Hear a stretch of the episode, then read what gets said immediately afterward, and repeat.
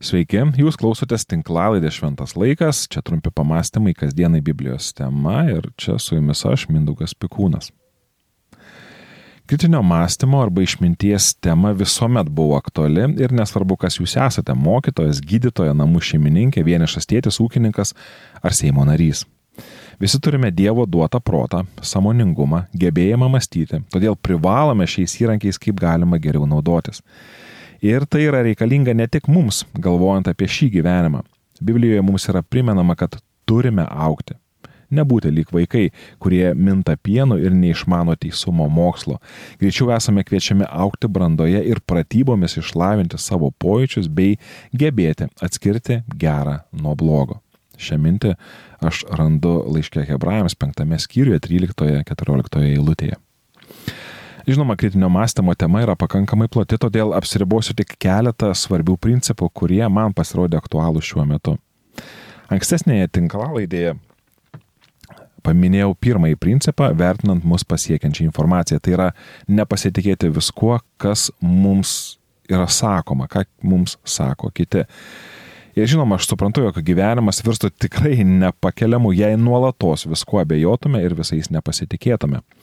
Populiarių knygų autorius Malcolmas Gladwellas vienoje iš savo knygų pavadinimu Bendravimas su nepažįstamaisiais nagrinėjo klausimą, kaip gyventi, jei žmonės yra linkę vienas, kitą, vienas kitų pasinaudoti, net įskaudinti ir išduoti jiems rodomą pasitikėjimą aptaręs skirtingus istorinius įvykius, kai kitų valstybių šnipai darbavosi ilgus metus naudodamėsi aplinkiniu patiklumu, ar kai kurių per daug įtarių policininkų keliamą chaosą Amerikos gatvėse, autorius priejo išvados.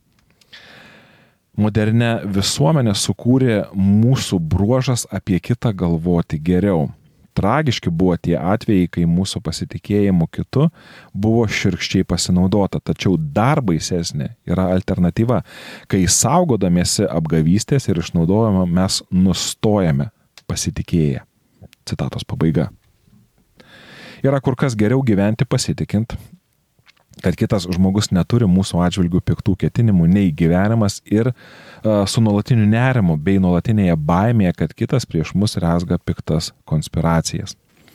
Taigi, geriau suklyskime pasitikėdami žmogujumi ir geriau pasitikėkime, kad kitas nenori mūsų sąmoningai apgaudinėti.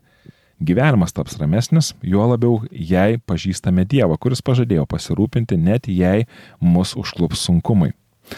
Tačiau visą tai nereiškia, kad turime būti naivus ir nuo savęs nusimesti atsakomybę. Neskubėkime patikėti iš karto viskuo, ką girdime, net jei mums ta nuomonė atrodo labai jau priimtina. Šiandien aš noriu pakalbėti apie tai, kad ne tik, kad nereikia patikliai priimti visko, ką mums sako kiti, bet ir nereikia patikėti viskuo, ką mes galvojame kiekvienas asmeniškai. Čia mes kiek tolstame nuo to, ką girdime aplinkui, prie to, kas vyksta mumyse nes šitas informacinis laukas yra ne tik aplink mus, bet ir mumise. Ir reikia išsiugdyti įprotį pažvelgti kritiškai lyg ir iš šalies ir į savo mintis bei prielaidas. Ypatingą dėmesį reikėtų atkreipti į tokius išsireiškimus, kuriuos mes galime netgi nesąmoningai naudoti kaip turi būti, visada, niekada, reikia, galima arba negalima. Tokiais žodžiais mes komunikuojame savo įsitikinimus, kurie dažnai net nepatikrinti kažkada įleido šaknis mūsų gyvenimuose, į, mūsų gyvenimus, į mūsų širdis ir mes juos priimame, na, kaip savo pamatinių vertybių, uh, nu, sudėtinę dalį. Patikrinkime savo įsitikinimus ir ypatingai tuos, kurie labai aiškiai viską dalina į juodą ir baltą, dalina žmonės, patirtis ar vertinimus į aiškias stovyklas. Saliamonas, išmintingasis Saliamonas rašė, nebūk išmintingas tik savo. Kitas vertimas sako, nesiremk tik savo supratimu. Pagarbiai bijok viešpatės ir venk pikto. Tai teks sveikata tavo kūnui ir atgaiva tavo kaulams. Patarlių knyga, trečias skyrius, 7-8 eilutės. Yra galima būti išmintingu tik savo akise. Manau, net ir tada, kai sakome savo dalykus, kurie kenkia mūsų fiziniai, emociniai ir dvasiniai sveikatai tai ypatingai pražutinga, kai žmogus yra tiek įsitikinęs savo teismu, kad nei Dievas jam negali padėti. Karalius Saliamonas kitoje vietoje rašė, žmogui jo kelias gali atrodyti teisingas, bet galų galiai jisai veda į mirtį. Patarlių knyga 14 skyrius 12 eilutė. Manau, kad čia, šitoje žodžiuose yra raktinis, šitose Saliamono, šitoje Saliamono mintyje, raktinis žodis yra atrodo. Žmonėms, kurie nenori praktikuoti samoningumo ir peržiūrėjimo savo nuostatų, tikrai netrodo, kad jiems tik atrodo. Jie yra tikri dėl savo įsitikinimų ir mano, kad tikrai ne jiems reikia ką nors keisti. Dažnai mes išdidžiai galvojame, jog viską apsvarstėme ir mūsų išvadose nėra jokių trūkumų.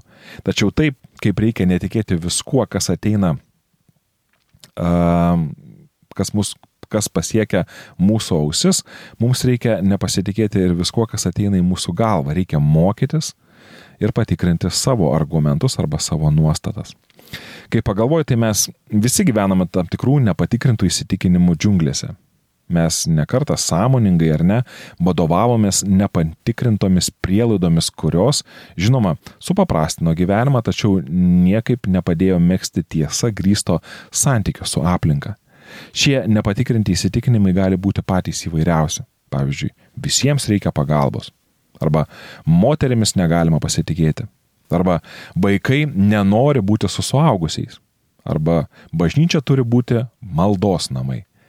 Arba ir vėl, vėlavimas yra netoleruotinas dalykas ir taip toliau. Grįžtant prie kiekvieno iš jų, tai tikrai ne visiems reikia pagalbos, kai kuriuos netgi įskaudinsime ją siūlydami, juo labiau, jei tos pagalbos ir tikrai reikia, tai taip galvodami, kad čia visiems reikia pagalbos, e, taip galvodami apie žmonės mes galime paminti jų orumą ir pernelyg sureikšminti save, prisimant gelbėtojo vaidmenį. Taip pat nepatikinimi gali būti ir vyrai, ir vaikai, ne tik moteris. Todėl dalinimas žmonių į kategorijas tik parodo mūsų aroganciją ir bukumą. Manimas, kad vaikai nenori būti su suaugusiais, greičiau yra produktas patirčių, auklėjimo arba net nemokėjimo bendrauti su savo vaikais. Todėl verta pasitikslinti, o kas tau sakė, kad vaikai, ne, arba jaunimas, pavyzdžiui, nenori būti su suaugusiais. Na, o dėl to, kad bažnyčia turi būti maldos namai, tai tokia nuomonė dažniausiai yra grindžiama Jėzaus žodžiais apvalius šventyklą ir pasakius, kad Dievo namai bus uh, vadinami maldos namais. Tačiau čia norėčiau atkreipti dėmesį, jog Naujajame testamente apie krikščioniškąją bažnyčią yra sąmoningai kalbama nenaudojant šventyklos terminologijos. Bažnyčia yra vadinama šeima, avide, kariuomenė ar net kūnu.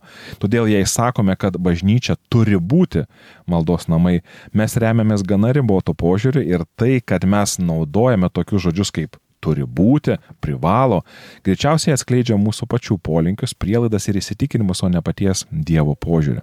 Taigi, Tikiuosi supratote, kad dažnai mes galime filtruoti iš išorės mus pasiekiančią informaciją, nepatikrinę paties filtro. Ir tada atsiranda pavojus tikėti, na, tuo, kuo norime tikėti ir kalbėti tai, kas mums yra sava, net nesuabejoja, kad galime viduje groti abejotino turinio plokšteles. Savęs pažinimas ir praktika žvelgti į save lyg iš šalies yra dalis gyvenimo šviesoje. Ir nors šviesa atrodo viliojančiai, vis tik ją reikia įsileisti į vidų ir ją gyventi reikia pastangų. Kartais sutinku žmonių, kuriems toks vidinio dialogo pasiklausimas atrodo labai varginantis užsiemimas.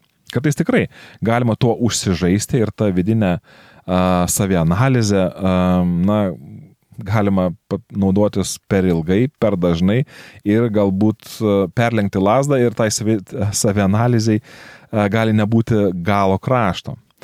Tačiau gyvenimas tiesoje visada buvo lyg vaikščiojimas siauro keliu. Negali atsipalaiduoti, reikia išmokti gyventi pusiausviroje, pusiausviroje tarp nekenksmingo lengvabudiškumo ir įkvenčiančios savirefleksijos. Turime nuspręsti, kuriuos dalykus vartosime per daug neimdami į galvą, o kuriuos prieš vartojimą atidžiai patikrinsime. Ir nepergyvenkime, jei kažkokie jūsų įsitikinimai pasirodys neteisingi. Toks jų patikrinimas tik dar labiau jūs sustiprins. Jei ne, tai apsaugos jūs nuo kraštutinumų. Taigi, neskubėkite priimti viską, ką sako kiti. Taip pat neskubėkite priimti arba patikėti ir nesibaigiančios informacijos srautu, kuris nuolat pripildo, pripildo mūsų mūsų galvas minčių, nuojautų, širdis, jausmų, svajonių ar net sapnų pavydalu. Primenu, jog ši tinklalaidė yra išlaikoma jūsų laisvanoriško prasidėjimo. Kad šių ir įvairesnių tinklalaidžių būtų sukurta daugiau, kviečiame prisi, e, prisidėti prie šių laidų kūrimo, paremiant šventas laikas veiklą per Contribui rėmimo platformą. Dėkoju tai jau padariusiems.